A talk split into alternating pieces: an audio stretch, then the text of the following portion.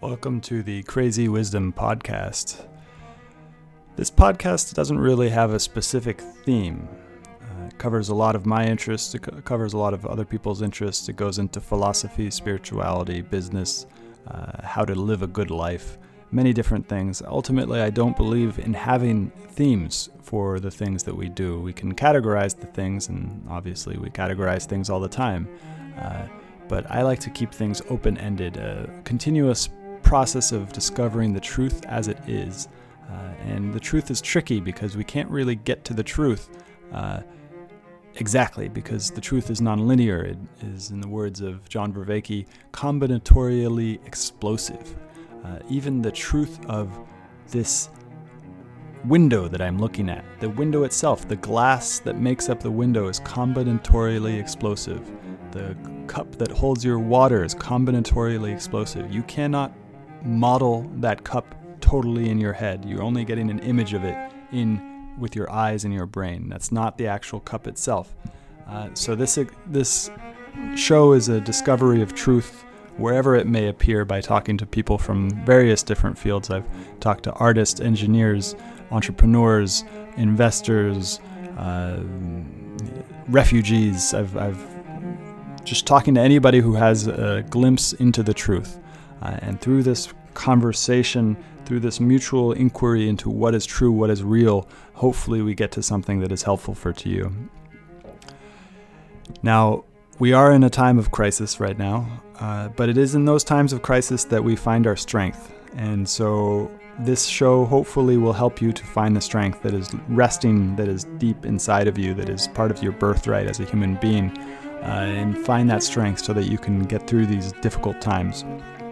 Also, I want to let you know that I'm offering breathwork sessions uh, every day. I've got seven sessions a day.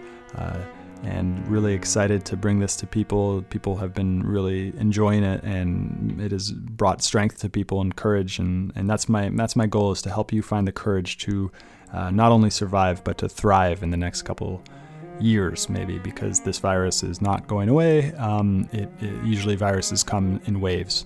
Uh, so this is the first wave. It will go away, and then it might come back. I'm not saying that I know for sure it will come back, but we are in this for the long haul. So this is a uh, marathon, not a sprint, uh, and I want to do everything I can to help you not only survive but to thrive. Uh, so. If you are interested in that, please find me on Twitter at Stuart Alsop III. My DMs are open. I'd love to hear about what you think about this show.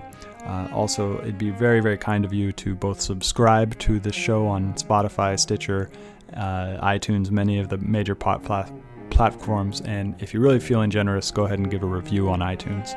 So join me for the breath work. Just send me a message on Twitter at Stuart Alsop III with your email, and I'll add you to the email list where I'm sending out emails for the schedule. Uh, hopefully, see you there. Have a great day. Welcome to the Crazy Wisdom Podcast. My guest today is Jessie Krebs. She is a global survivor instructor uh, for something called SERE, which she's going to help us to understand more about. And she's also a consultant for the Prepared. Um, and the Prepared is a very interesting site where you can get all sorts of information on rational or logical prepping. Uh, and uh, they're they're going through the roof right now because a lot of people are this is on their mind. Uh, and she's also about to start creating a video series for them of really cool projects that that um, which is very interesting to me because I've been basically doing YouTube. Uh, I've been teaching myself how to do stuff on YouTube, like tying knots was the most recent thing. So, uh, welcome to the show, Jessie. How, how, how are you doing? I'm doing pretty well. It's a little hard being cooped up in a house much of the time, but we're going to plan a vacation and take off for a little while too. So hopefully not be in the house the entire time, get out in the wilderness somewhere. But uh, mm. other than that, it's a little rough not being able to teach classes right now because people are in quarantine. So we can't actually get together in person. So trying to do things online is a little tricky. I'd love to talk more about that and how you're transitioning to that because I actually I'm I'm considering uh, I was going to offer to to uh, pay you for your services to do online classes while I'm out in the woods um, and uh, and I'm just curious to to hear whether that is something you've tried doing or is it just you don't see it a possibility. I think doing online classes can definitely work if it's done well. So, approach that John and I are going to be trying to take with the prepared is having people get the video, you know, pay for the subscription. Let's say we're going to do a class on Firecraft and you pay for the subscription and you have a, a series of maybe, you know, 30, 40 lessons, you know, that are each a, a few minutes long. And we tell you what to get. So, okay, you start the video, sweet. So today we're going to learn how to make shavings, how to make good quality shavings and feather sticks. So you're going to need a knife, a piece of wood. You need to be outside or in an area where you can do this on the ground and get the shavings around, like put down a tarp or something if you're inside. And this is this is the basic technique. And pause the video, go grab those materials, come on back, start the video, and I'll show how to do proper technique and then talk a little bit about what things people commonly do wrong and what you might need to adapt if it's if it's being tricky for you and you're having a hard time um, what types of wood to look for et cetera et cetera right? So teach the lesson and then they go ahead and get to practice that.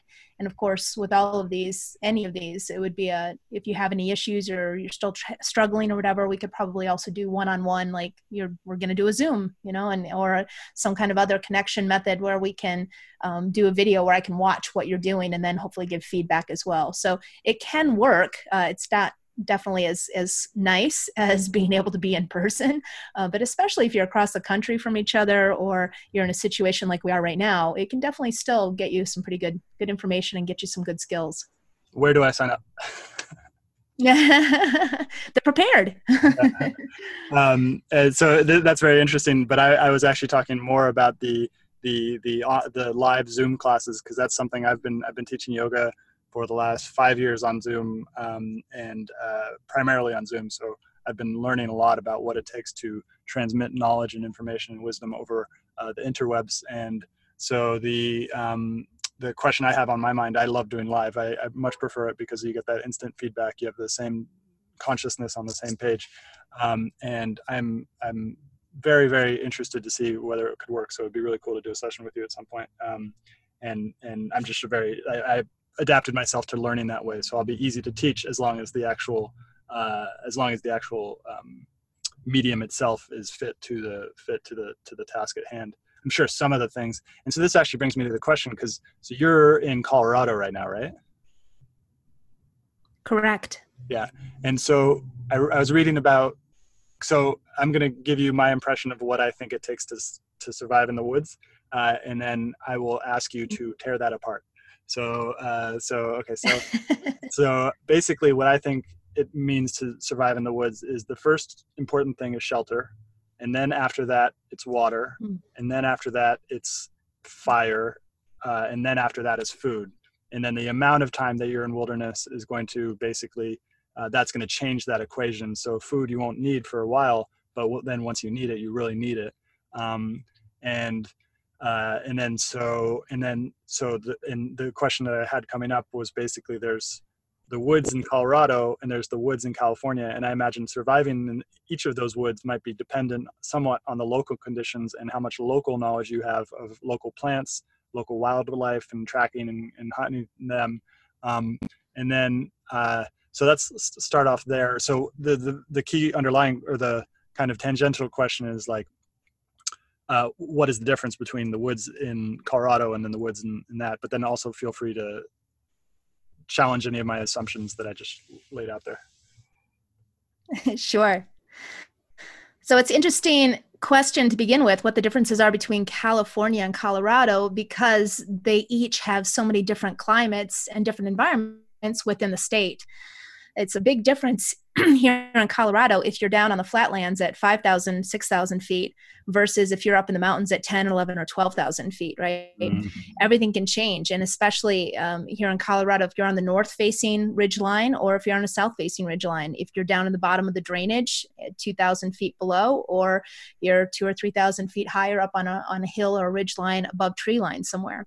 So in California is much the same. You've got a lot of different climates. You've got coastal, you've got inner, you've got deserts, you've got areas where it's it actually gets a fair amount of rainfall. Um, so there's it, it's a hard question to define, and is part of what makes I think survival so fascinating and interesting for people is that there are so many different environments. We can't, as a, if any instructor really tells you that yes, this is always going to be the order you're going to do something, or um, this is what you're going to do in any situation a b c d e they're not really speaking truthfully or they don't have much experience because every situation is different and what i'm going to need in that situation is going to change. What's going to be first second third so on is going to change depending on that environment. So uh, it's in a lot of ways actually colorado and california are very similar because of that dynamic because there is so much depending on the seasons and what elevation you're at and whether you're on the coast. Well obviously colorado we don't have that problem but we do have have a few larger lakes and uh, we've got a lot of variety. So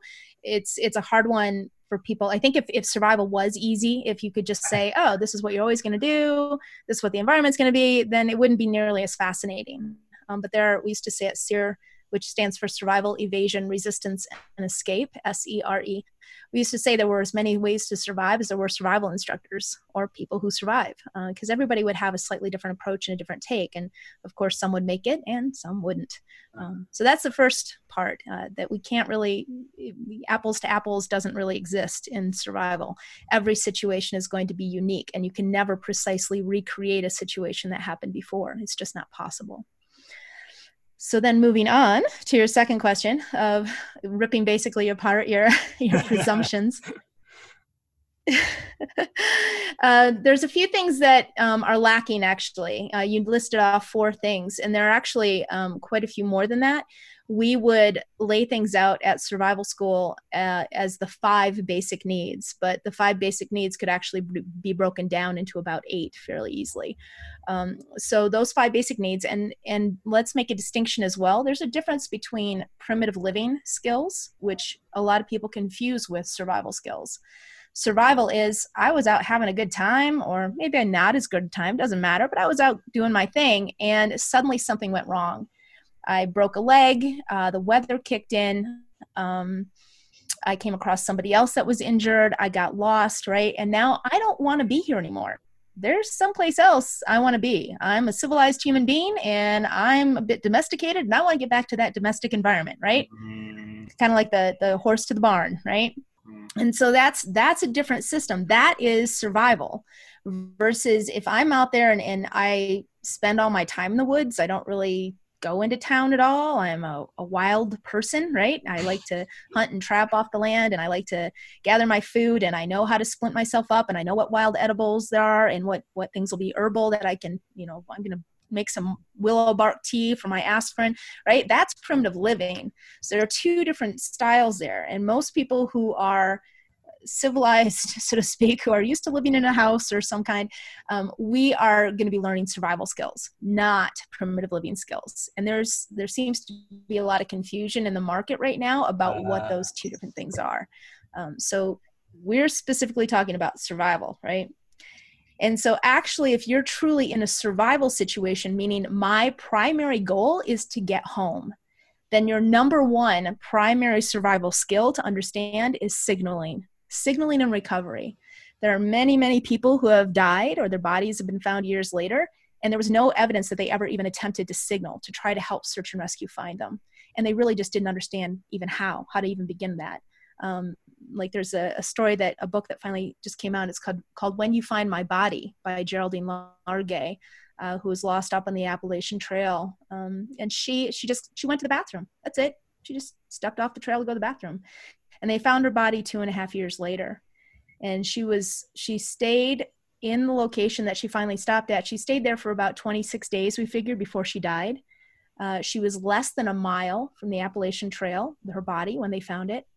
And three times when they found out where she was where she'd been and there'd been this huge search and rescue operation on for her um, three times they'd been within a football field length of her and couldn't find her mm-hmm. because of both where she chose to be and that she never signaled right so signaling is a huge one that most people, unfortunately, reality TV and things that they don't really talk about signaling much, and it's really the most vital school skill because if you do it well, you're done, mm-hmm. right? You didn't have to build a shelter or a fire or do anything else. You're rescued. You're back home and so that's really the best skill that you can know is how to help search and rescue find you so that's that's a really important skill that uh, and there are three basic ways of doing that right so um, there are definitely techniques and, and depending on the environment where you're at and what resources you have and all kinds of things so that's one basic need. Another uh, is some of the things you mentioned. So personal protection is what we consider a second basic need, and that contained three things underneath it. And those are called your lines of defense. So, personal protection includes clothing and equipment. That's your first defense against the elements. Having good bomber clothing, good solid equipment, like a nice sleeping bag, flashlight, right? Those kinds of things. Some good rope you can use for all kinds of things. Um, second, if your clothing and equipment is not going to be adequate, would be a shelter, right? And most things on the planet get by just fine with those two things. They have something that works with their clothing, like scales, feathers, um, blubber, uh, fur, right? Whatever they've got, that excess of clothing. And if that's not going to be adequate in the environment, they'll try to either make themselves some kind of a home, like a nest or a burrow, uh, or they'll find something to block the wind or whatever it is, right? So most things get by with just good, quote unquote, clothing and equipment and shelter of some kind. We have the advantage of the third thing, the third line of defense, which is fire. And so personal protection is really um, thinking of thermal regulation. How do I keep my temperature in around that 98.6 range, right? That's really critical. Uh, so that's personal protection. Another basic need might be um, sustenance, right? So water and food.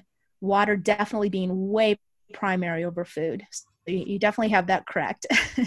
water is way more important, right? Um, so you never want to eat if you don't have a water source available. It takes a lot of water to digest our food. So if you have a limited water source, you do not eat your food. It will simply dehydrate you faster. Wow. We can go 30 plus days easily, most people, unless you have diabetes or some other kind of medical condition, you can go 30 plus days easily without food. But water, three days average, seven days max, right? So that's a lot more critical.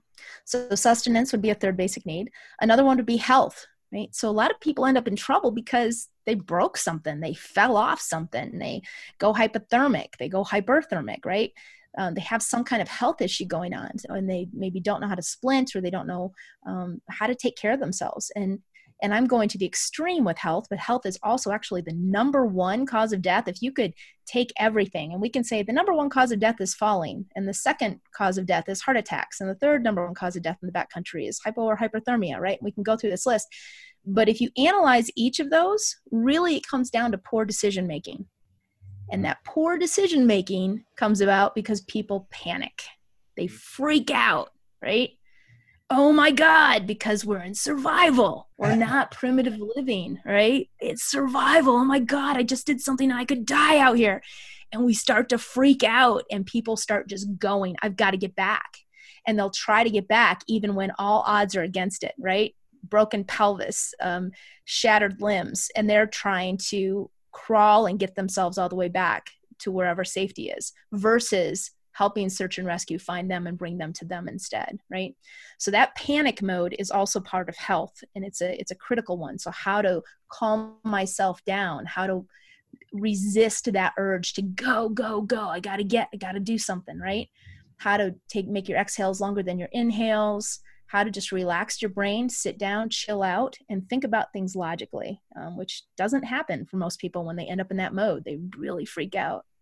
So that's a fourth basic need and the last one is travel techniques. And this is everything from how to use a map and a compass, GPS, that kind of thing, um, to also how do I move in different environments, right? How you move through a glacial field is going to be much different than how you move through um, a desert environment, which is going to be much different than how I move through um, uh, some kind of a rainforest or uh, tundra or swamp or open ocean, right? All those are going to require different techniques to be able to move efficiently and safely. Travel is actually the most deadly time to be in a survival situation, right? If people are actively moving, they're burning way more calories and they're much more likely to get injured. So, those are the five basic needs.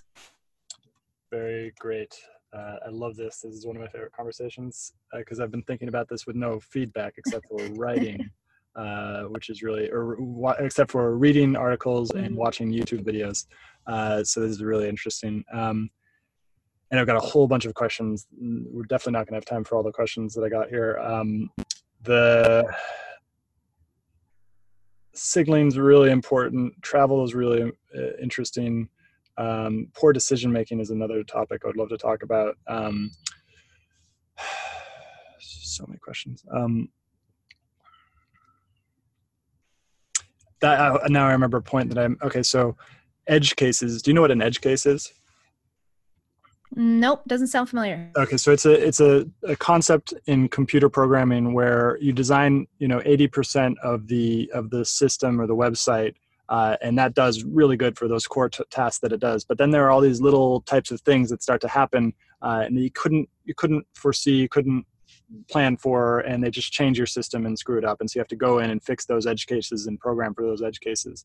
Uh, and this is the theme that I've been thinking about is that most of the survival situations that you're going to run into are edge cases basically so and and so they're they're not mm. they're not going to replicate they're they're they're not something you can really think about uh, and so this question between primitive wilderness skills was that the word you used or did you use another one primitive living skills living it's skills. literally living primitively right yeah, so primitive living skills uh, and survival skills for those survival skills it seems like to really be proficient in survival, you'll need those uh, essentially like 10,000 hours of training to prepare for all those little edge cases.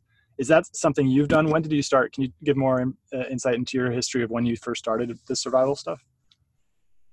Sure. Um, I grew up, you know, in Michigan. I had a mom who was very outdoorsy. She loves gardening and she loved fishing. Um, extremely good fisherwoman and so she would take me outside quite a bit and um, i had abuse issues when i was a kid and uh, just i think being outside and being raised by a single mom and um, i had siblings but i didn't wasn't raised with any of them. And so i started a connection with the outdoors when i was very young and felt very comfortable in the woods. That felt like my safe zone. I didn't didn't trust people didn't want to be around people all that much. So the woods felt very safe. And so i joined the military at 18 both because mom said hey you know she expected me to go to college. And uh, and I had gotten the travel bug by then. I really loved to travel. So I decided to join the Air Force and happened to go in just at the time that they were recruiting for SERE. And uh, I showed a, you know videos, specialty field. Hey, look, this is what you'd be doing, and it showed everything being out in the woods and and I'm like, that looks awesome. So I tried out for SERE. So it was basically at 18 is really when I started survival training. I mean, mom would let me have knives and I would whittle and stuff when I was a kid, but I didn't didn't really learn all that much um, until I got into SERE school. And so the training there is a year long. Uh, we do six months of um, basically training in different environments. So they take us to, you know, again, a rainforest, Arctic. They drop us in all these uh-huh. environments and teach us the academics first for a few days and then we actually practice in that environment and then after that year or so then we start actually teaching the skills to clients so it's another six months of on the job training um, with a trainer and in our own flight where um, where we're learning and, and, teaching more so that's where I, it started uh, and i did that for my four years in the military and when I got out, um, I ended up doing things like ropes course, challenge course, team building stuff. I got a degree in educational psychology and uh, eventually found my way to wilderness therapy and because of my abuse mm. issues i i really needed some therapy so it was a good way for me to both work and get a lot of my own therapy as well and through that uh, i learned more skills right so a lot of wilderness therapy companies they work with friction fire so you have to do bow drill or hand drills the only way we're allowed to get our fire started and students and so um, and spent a lot of time out in the desert primarily and up in the mountains again and uh, so that's that's where it started and then now that i've started SERE training which is the school that i run. Uh, i basically go to a lot of gatherings, primitive skills gatherings as well. There's a lot of people who enjoy learning primitive skills, right? Me as well. They're they're awesome. How do you how do you go out into the woods and, and make a bow and arrows from nothing? How do you flint knap, right? So making blades and and, and things out of rocks that you find. Um, how do you tan leather and different snaring techniques and tracking, right? So there's all kinds of primitive living skills that are awesome that'll take way more um, way more time and energy to learn right than simple survival skills. Um, so that there's a lot of information there that I've, I've been picking up through the years as well. So it's it's been a lifelong um, love i guess you could say because i've always felt that connection with the outdoors and and really feel uh, like it's where i want to be. I love it outside. So what are the com- core components of wilderness therapy? I think the core components basically are trying to help someone grow and know themselves in an environment that strips everything else away. So you no longer have showers and uh, fancy clothes to distract yourself, or jewelry, or screens, or any of that. What you have is yourself, wilderness, and a group of other people that are going through the same thing you are and it strips people down to a rawness and um, it's hard to keep a mask on. We're so good at keeping masks on around each other right and trying to present this image of of who we think will be accepted or or what's going to be um, approachable or popular or whatever. And that's that's the image and the mask that we try to portray to the world. And wilderness therapy has a way of stripping that down. You can't just go to your room and slam the door. You can't take off you know and leave and, and go on a drive somewhere if there's a conflict you're with these people. And after a while keeping that mask on just gets too tiring. And you mm-hmm. start to realize that maybe underneath that mask is a person who's not so bad after all. And that maybe you might be accepted even if you let that mask slip. So it's a very powerful medium for really helping people understand who they are and to become more authentic, both with themselves and the people around them. So I, I think it's a very powerful medium for anybody. That just uh, floored me. I'm I'm realizing that I'm actually going through that process right now because I've moved into the woods uh, in a van. I still have screens, so that's a that's an interesting thing. Uh, but then then the yeah, it's like I'm definitely going through that, but in my relationship with myself though, not not in relationship to other people. Uh, although there is some of that going on as well, but it's all virtual. Um, but and that's for everybody right now. Uh, and so, yeah, yeah, it's it's heavy, uh, and uh, um, so interesting because it unmasks you, and it's particularly alone too. Because when you're with with the group, that's how we all were designed to to survive was through a group in nature. Uh, but then when you go out and there are mm-hmm. you know if you anthropologically speaking if you look at certain societies there are always people who do remove themselves from from the group in nature to go out on their own actually everybody does it for a short period of time uh, in the initiation rites mm-hmm. but then comes back and joins joins the group uh, and then but there are certain people who turn that into a lifestyle uh, and uh, and and you know, and the a lot of people use the Russian word shaman for that for that type of person, but there is no like it's just the guy who goes or the guy or girl goes out and just you know confronts the ultimate of existence and all on their own and and uh, in some ways I feel like I've been doing a lot of that as well, uh, which is always interesting. Do, do you have any experience with uh, plant medicines or uh, that whole realm? Not a whole lot. I've met some really amazing, uh, what I would call plant whisperers who, who really speak plant or are just incredible. Um, and it's not a skill that I have. My my mm. mom is, a, like I said, a master gardener. She's pretty incredible with plants. And there's a guy um, who teaches classes at some of the primitive um, gatherings, uh, Doug Simmons, who's incredible as well. He can he can spend a couple of hours talking about one plant and the medicine that he's received from it and what it can do. And um, it's pretty powerful stuff. So, but my me myself, it's not a skill that I have. I'm I'm more of an animal whisperer. I mm. tend to be able to read animal language and behavior fairly well. Um, and do you hunt? So no, it's not one of mine. We would just teach things like the edibility test for plants at SERE. So how to choose what plants are going to be edible or not, depending on you know again worldwide where where do you come down and what could you what could you use? Well, if you want food. which you can go a long time without, but still, it's a psychological thing, if nothing else, right? Yeah. Uh, and general knowledge. Um, so, in the edibility test, well, first of all, are you a hunter? Do you hunt, or are do you, when you go out in the woods, do you survive on plants?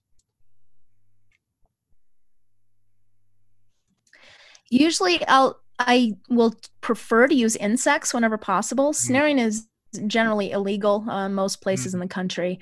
I know lots of different snaring techniques and have snared animals here and there. And occasionally I'll, I'll snare um, simply like I had bear, a bear that kept coming over to my property in Pagosa Springs and uh, kept knocking over trash cans that had like, you know, just rice in them or something like nothing that the bear could actually eat and be healthy with. and it would drive me crazy. So just setting up a snare that's not going to kill it, but just wake it up and say, hey, this isn't where you want to be anymore. Um, so, like a deadfall thing where it just falls down and gives them a good knock on the head or the back and say, don't come back here. Um, or do live traps. You know, there's three basic types of snaring um, strangle, mingle, and hold.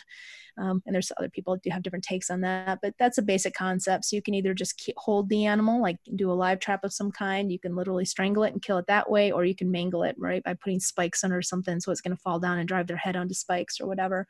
Uh, and generally, I'm not going to snare unless I really feel like I have to. In most situations, I don't. I, I know that I can go a long time without food, so I'm not too concerned uh, about it. But I have caught rabbits and squirrel and, you know, whatever. And I'll often pick up roadkill, um, actually, and skin that out if it looks fresh and, and eat that. So I don't tend to be much of a hunter. Um, hunting, I think, can be good in a lot of ways, a lot better than snaring, because with snaring, I, I will have to do a lot more research and even then i may not get the animal that i'm intending to get right? So i've caught pregnant you know squirrel in in a trap before and that's that sucks you know because i would have rather gotten mm. one that wasn't gonna wasn't gonna procreate and then create more food right? So or more more lives. So um, it's better in a lot of ways to hunt if someone's hunting ethically you know choosing the ones that don't look like they're going to make it that are the weaker uh, and less likely to survive a winter or whatever those it's ethical hunting i think is better than snaring but in a survival situation snaring is what you want to go with. Mm.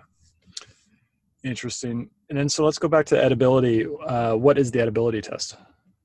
Mm, sure. So it's a, a, simple. I'll give you just a quick rundown. You basically look for poisonous characteristics on a plant. There's many things like milky sap, shiny leaves, fine hairs and spines. So you try to find a plant that doesn't have any poisonous characteristics, and then you can rub it on a part of your body, like maybe the inner forearm or the outer side of the lip. Wait as long as you're comfortable with to see if there's any kind of reaction. If it still feels pretty good, then you can take a little bit and taste it. If it tastes soapy or you get a numbing sensation, anything anything bad, basically, then you're going to throw it away, choose a different plant. If it's still okay, then you take about a teaspoonful, throw it in your mouth, chew for about five minutes, spitting out any saliva. And that's because most toxins are water soluble. So by chewing it for that long, you're going to be hopefully um, masticating and, and exposing any of the toxins that might still be in the plant and then spitting those out. After that five minutes, you swallow whatever is left and wait about eight hours and you're looking for any negative symptoms right? Like nausea vomiting diarrhea um, cramping whatever.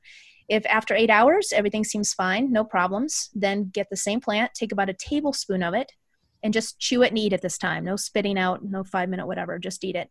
And wait another eight hours. If you still don't have any negative symptoms, then you can consider it edible in the manner it was prepared. So that's a that's a very quick rundown. There's a few other little little things in there, but that's the basic premise um, to try to see if a plant is going to be edible. Obviously, only testing one plant at a time, so it takes a while to do the test. Yeah. Uh, that is so fascinating. Uh, it's it, I, I read a long time ago that um, basically, you know, hunter gatherers built up this just huge encyclopedia inside their collective consciousness of uh, mm-hmm. of what it takes to survive in their particular region, um, and that is mm-hmm. in many ways lost knowledge. Like in many ways, we have more knowledge, uh, but uh, like you are a vast repository of all the all the regions uh, instead of just one region that that a hunter gatherer would find itself under. Although maybe they did as well. Um, and uh, and so there's this like local knowledge and then we develop civilization and civilization allows us to um, write down knowledge pass on knowledge in much more effective ways although not maybe effective for our neuro uh, me- mechanisms and we're actually losing part of that uh, part mm-hmm. of that effectiveness of, of the of the sharing techniques that were developed before the written word um, and so there's and there's this like lost knowledge and now it's like now we have YouTube and now we have people like you who are doing online stuff and it's like you have on demand kind of and the information as well and you have on demand kind of ability to find exactly what you need exactly at that moment. Like the coolest thing about last week when i was tying these knots was i had internet reception so i was just on my phone with a, youtube video and i just start it would tie the knot i would screw it up go back start again do it until it became part of my memory and as long as individuals become more comfortable with this learning online because that's a skill in itself that a lot of people don't have and a lot of people are trying to figure that out rapidly right now. Um, and uh, and so much emotional uh, i guess when you learn everything there's emotional uh, frustration. I don't know how does that work for you? What's your level of frustration when you're learning things on your own these days? Mm, i think there's a, a level of fascination. If i really if I'm trying to learn a skill that I've I've not worked with, I'm really I tend to get really fascinated. Actually, I can be very focused when I choose something to the to man be oblivious to everything else that's going on around me. Hmm. Uh, so I I tend to just get really fascinated and want to keep working on it and working on it. Uh, so it, and I think that's a little different for everybody. Um, I I really enjoy analyzing. Like teaching to me is an awesome tool for my own learning, right? So when I teach someone and someone's not getting like let's say I'm teaching knots and they don't they're not understanding it. It's not natural for them to do them do it the way that I naturally do it. Well then now I myself to help that person learn need to learn and see it from their perspective and so analyze the knot in a way and see oh there's like there's 10 other ways to tie this knot, right? So let me just watch them for a moment and see what their automatic response is and how they're initially trying to tie it and now see if i can adapt what i do my natural way to what they're doing. And and so it expands my knowledge and my skill level to be able to teach them on their in the way that's going to be natural and feel right for them. And so teaching to me is a i absolutely love teaching and that's a big part of it is that continuous growth and continually challenging my skills. Like at SERE they would require us you know not just you tie the knot but also then you're going to tie it opposite handed. Now you're going to tie it behind your back and with your eyes closed right? And now now they're going to throw us out into the the ocean and we're trying to tie rafts together or something. So now the, the knot is underwater right? And my are my hands working or it's really cold. So pushing yourself to do them in different environments and, and take that same skill and just notch take it up a notch or 10 right? And see how you perform and how it works for you then. And that to me is i love that. That's challenge to me and that's uh, i feel alive right when i'm doing that kind of thing. So i think it's awesome. Yeah. So now i think it might be important to go into a part of uh, discussion that I actually I was that I first reached out to John Ramey of the of the prepared and did an interview with him uh, probably about six or seven months ago now of and it's it's that if anybody's listening uh, that's a good interview. If you're wondering about your future in a post-corona world I would go check out that that interview with John Ramey R A M E Y. Um, and uh, and so we did this before everything happened and now everything that's happened is like oh okay it's like it's time to just get prepared for a world that doesn't work in the same way uh, that it used to. Uh, and for me, a huge part of that is nature. Like I don't really see a reason to be living in a city right now, and I don't really see a reason to continue living in a city at least for the next two years um, because the city is where you get the most population you have the most chance of running into somebody else with the virus that you don't want um, and uh, and not to say that doesn't happen in rural areas and there are down down downsides to being in rural areas the number one being that hospitals uh, are not as equipped in rural areas to deal with the type of cases that they're going to get from this virus. So I'm not saying that everybody should move to the to the countryside, but it, but w- how, where does survival actually? Well, where does both of them play? Where does wilderness living skills, primitive primitive li- uh, living skills, and and survivability? Where do these two things come into place in a post-corona world? I think any of the skills, uh, survival might be a little more applicable for most people. Those those types of survival skills, but there's overlap obviously between the two. Um, if if I can't find a lighter anymore, right, or I'm out of matches, uh, I lost or scratched up my magnifying glass where I can't use that anymore. There's no many, no more batteries or, you know, those kinds of techniques to be able to start a fire anymore. Well, then I'm going to start, I'm to need or it would be really nice to know how to make some kind of friction fire and know what materials to use and how to do it that way. If if i don't have tarps available anymore to build shelters out of then i need to understand shingling and and how to do lashings with other things how to make rope if i can't get rope anymore. So it, it really there's a whole spectrum of this and it really i think goes from basic survival where maybe you've had an hour session you know of, of learning some basic concepts all the way to literally like you were saying thousands and thousands thousands of hours of primitive living skills where now I can take several sticks and I can put them together and I know how to how to work it so that in a few hours I can have a working bow. It's not going to be pretty, but it'll work and I can I can go hunting if I need to or how to make primitive snares out of a rock and a, a piece of yucca that I found, right? And a couple sticks. And now I can catch food for myself. So there's a whole spectrum here. And to me, I, I find them interesting in and of themselves. But yes, it is nice. Um, I think it was Tom Brown Jr. who said um, the best job security is not needing a job right so i don't i don't need i don't need to have money to survive right yeah. and we've really equated in our society money is survival. Money is how you live. And uh, it's an odd concept for most people to understand. You actually don't need it.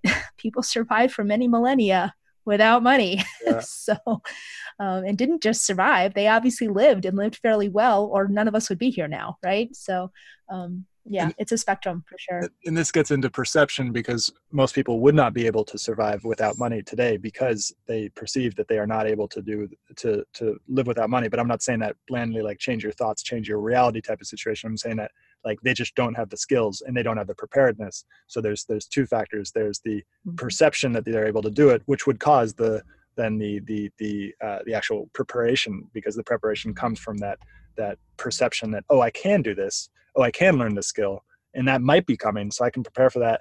And then it gets into another interesting topic that i and concept that i learned from john vervaeke which is we all ignore the things that are not salient to us. Where we ignore the things that are not emotionally relevant to us at the moment which is a really good thing because if i were to if i were not ignoring those things right now like say for example that i was worried about coronavirus killing me tomorrow uh, if i were worried about that constantly it would impair this conversation i'm having with you right now and so um correct. yeah and that's and that's that's so that's a really important thing to, that we have but it then can also go wrong. And if we start to think about all the different possibilities and go down this path of like oh coronavirus is going to kill me tomorrow i have to do everything right now to stop that then all of a sudden this conversation ends and i go into a totally mind made uh, just like fantasy of like i'm dying tomorrow what do i need to do um, and so th- there's this balance in the the skills that we have as human beings are also the the our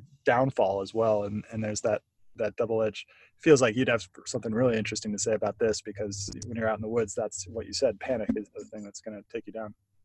What do you think? Mm-hmm. absolutely. It's it's a triage right? So whatever's most present in our mind and especially that fear factor. And that's why media and so many things use fear as a way to get to people and get people to watch and pay attention to what what they're doing and, and buy products or whatever it is because fear works right? It's it's definitely a dominant emotion in our in our in our biology.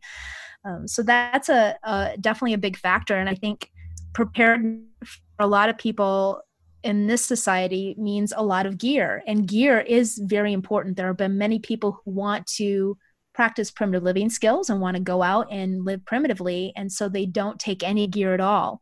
But then something goes wrong right and they end up dead because they didn't take some just just some basic essential gear that would have helped them in a crisis when, when everything else went wrong right?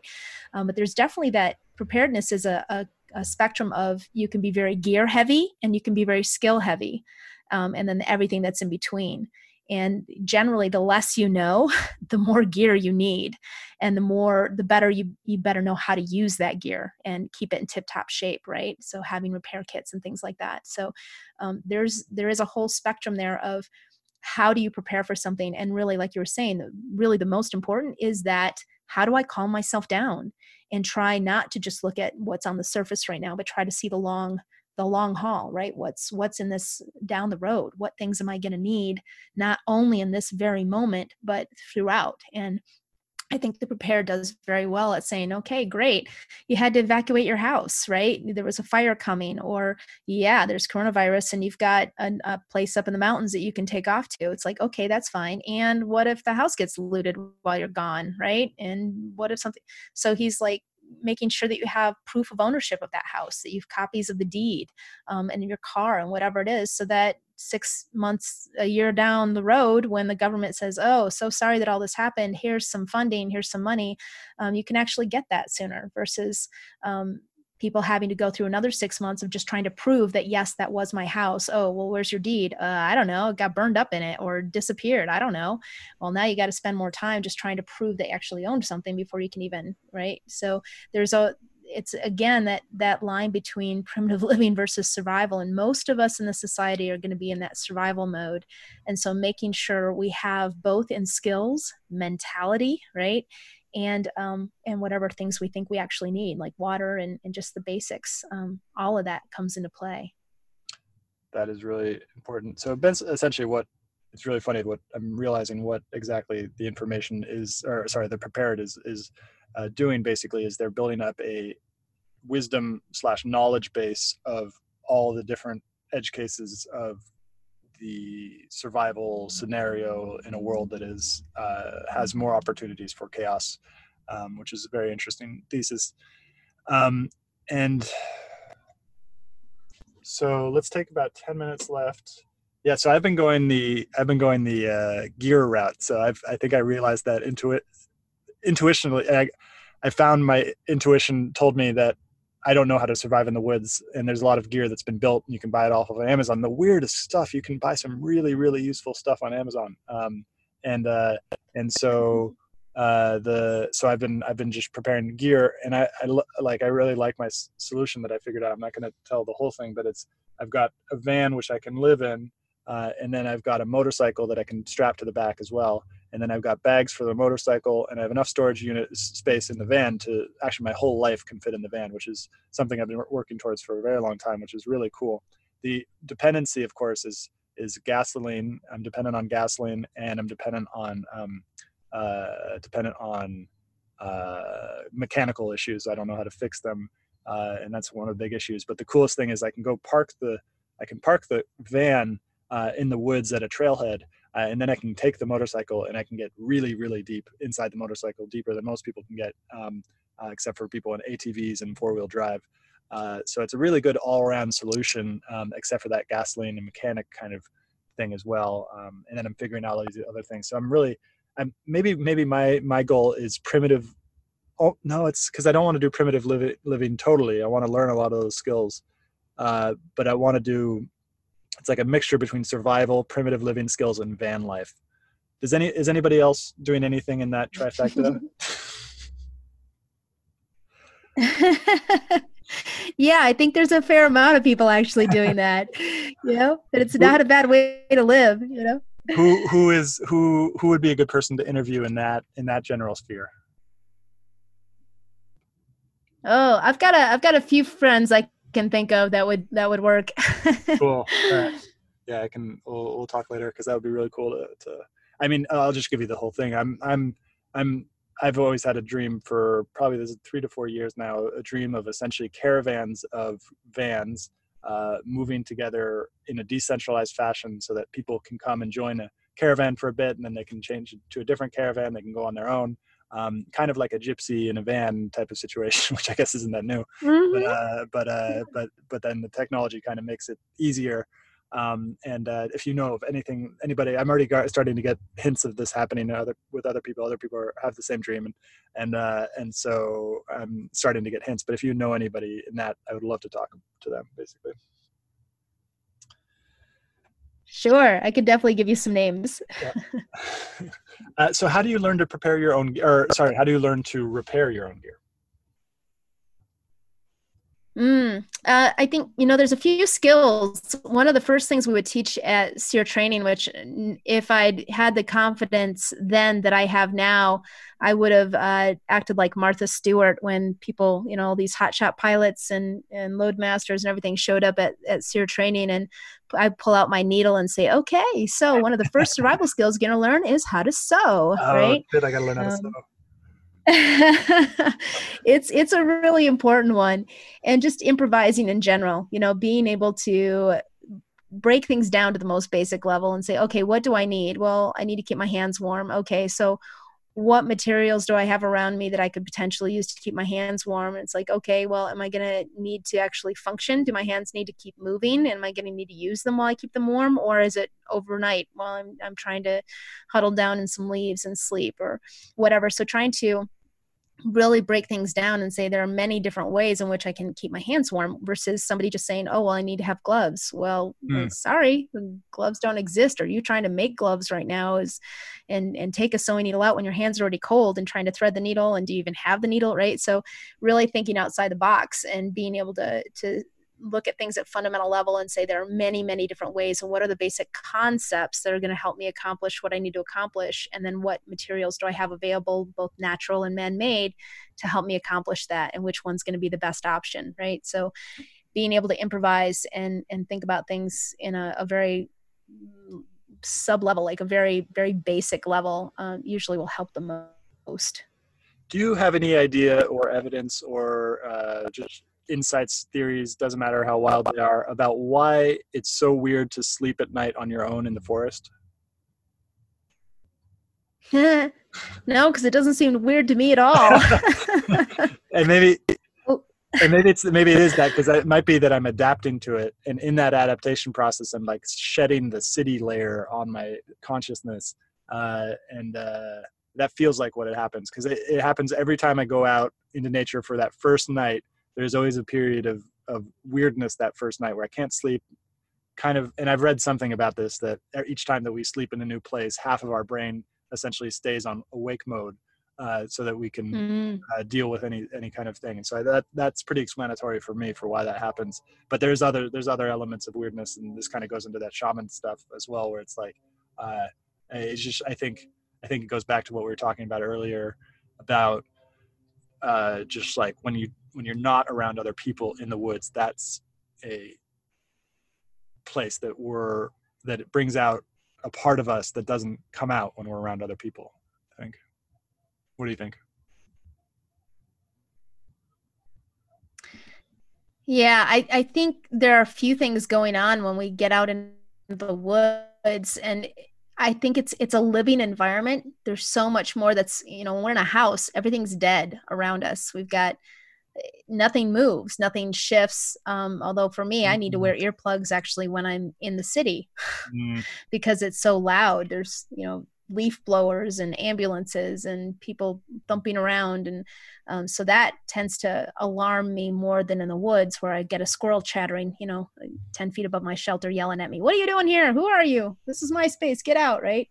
Um, or I hear the the burbling of a brook or something. So that's different. And I think there is um, when I'm sleeping with a group of people in the field, if it's people that I trust and I know, then that brings a sense of security, right? Um, and also for me, I, I, usually when I'm in that situation, I'm responsible for the people that I'm out there sleeping with. So if somebody is up vomiting in the middle of the night because they ate something they weren't supposed to, or um, just got fecal finger or something along those lines, I need to be aware and awake and, and get up and go check it out, right?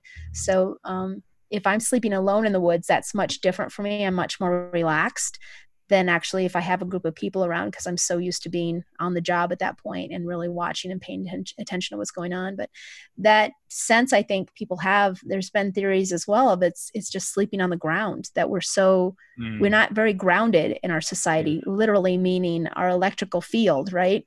Um, we're not in connection with that, and so that we tend to to just feel. I, I meet a lot of people who dream. They don't usually dream and and then they get out to the field and they start sleeping on the ground and after a week or two they start dreaming. And they're like what is going on? I'm having all these wild crazy dreams it's never happened before so i think it'd be really interesting and there probably are some studies out there about simply being in contact with the ground or having um, that life all around us and how that affects our psychology and our, our dream state as well so that's a really interesting point because it comes into survival. It's one of the things I've I've been learning about survival is that if you're in a cold environment, you want to keep yourself as insulated from as possible from the ground. Um, what is the what is the and what is the what is your thinking on that? Because I've been I've now started to think about beds and why we keep them up, and I imagine that it had something to do with the fact that we from colder climates, so you wanted to get it off of the ground. Um, what do you think about that? Mm-hmm. Yeah, and so insulation, there's there's a couple different ways we can think of electric insulation, right? So um, isolating electricity from everything else. So that's that's one type of insulation versus insulation from actual cold. So usually in the field, um, when you're sleeping out on the ground somewhere, you can make a, a bough bed or a um, insulation layer that will insulate you as far as creating dead air space between you and that surface so that you don't conduct the heat away from you right? There's five ways in which we lose heat from the body um, and i call that don't get wrecked r-r-e-c-c right? Which radiation respiration evaporation conduction and convection. Those are the five ways. And so when we're talking about laying on the ground um, that's conduction is the primary way you'd be losing heat. So creating dead air space um, is the way that keeps us warm. It's not our clothes that keep us warm, it's the dead air space that those clothes are holding close to our body. And then our body heats up that dead air space. Therefore, we feel warmer, right? Um, so when you're talking about uh, on in basically insulating yourself from the ground, because I'm using things that are that can still conduct electricity but don't conduct cold. Does that make sense? So they're two different types of insulation, mm. um, and hmm. we do often now because of the pads and things that we have, like they are insulative pads that. Uh, you know what would also reduce the electrical current as well um, but usually people aren't completely on that so they're still getting a lot more grounded as far as electrically um, even when they're insulating themselves from the cold so I still don't understand the the, the electrical part, and that's just in general. I, I have a difficulty understanding um, how electricity works and how how all those things work, particularly like batteries and um, and solar panels and everything like that. So what? So how does it actually work to ground a human being electromagnetically speaking? Um, an example would be they have people that they have designed actually it's a some kind of a copper you've heard of grounding like an outlet right in your house and usually that's done with copper copper wires of some kind. And so they actually have something now where you can run a copper pipe or rod into the ground near or underneath your house and then it follows a copper wire that comes all the way up and then you have this copper mesh that you actually lay on top of your bed right just underneath the so that literally electrically you are grounded Whoa. to the ground below, right? And that that is supposed to help people sleep better. So i don't i don't know you know i've, I've never gotten one or done one but that's the concept. And so uh, electricity is is again that's differently. If i touch a bare wire versus right if you have an electrical cord and it's plugged in and you touch a bare part of the cord where it doesn't have the rubber or the insulation around it you're going to get zapped right yeah. so that's electrical insulation versus not yeah. so that's that's what i mean if i'm in direct contact like we don't walk barefoot anymore right if we walked barefoot we would be grounded to the earth like any electrical yeah. think of static electricity right you walk around on the carpet or whatever for a while and then you touch something and you get a zap um, that's because you were insulated basically from your socks or your shoes from the actual ground of the planet. Um, so those are definitely there, two different things versus insulation. And there's another thing in terms of that feet thing as well. Is something I've been learning uh, from a biomechanical uh, perspective. Uh, there, there are a certain type of receptor in our feet called Pacinian corpuscle, and these these corpuscles are only um, they're just a mechanoreceptor, so they detect a change in pressure or tension or even sometimes chemical signaling. Uh, and so that this receptor is uh, called the Pacinian corpuscle, and it m- detects and measures vibration. Uh, and so a huge way that we walk around when we're in the forest is we're measuring the vibration surface, the surfaces vibrationally speaking. Uh, and uh, uh, when it's, you know, you know, when you step on one of those kind of bunch of pine needles and it's really soft, you can vibrate, you know, you can bounce up and down versus a rock. And so those are the types of different surfaces that we are measuring with our feet as long as we don't have shoes on.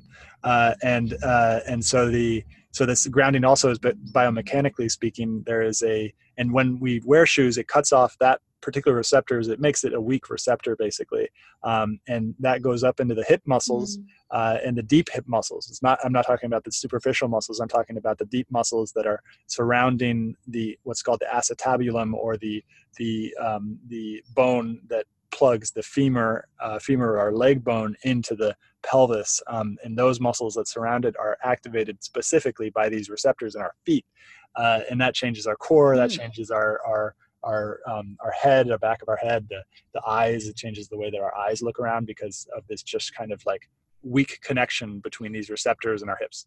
Um, and uh, so that's another reason that the, the, barefoot is a really good idea to i just did an interview with uh, dr emily splichal and w- she's the one who got me onto this and we did an interview and that was really interesting um, so wow yeah yeah sounds really interesting mm-hmm.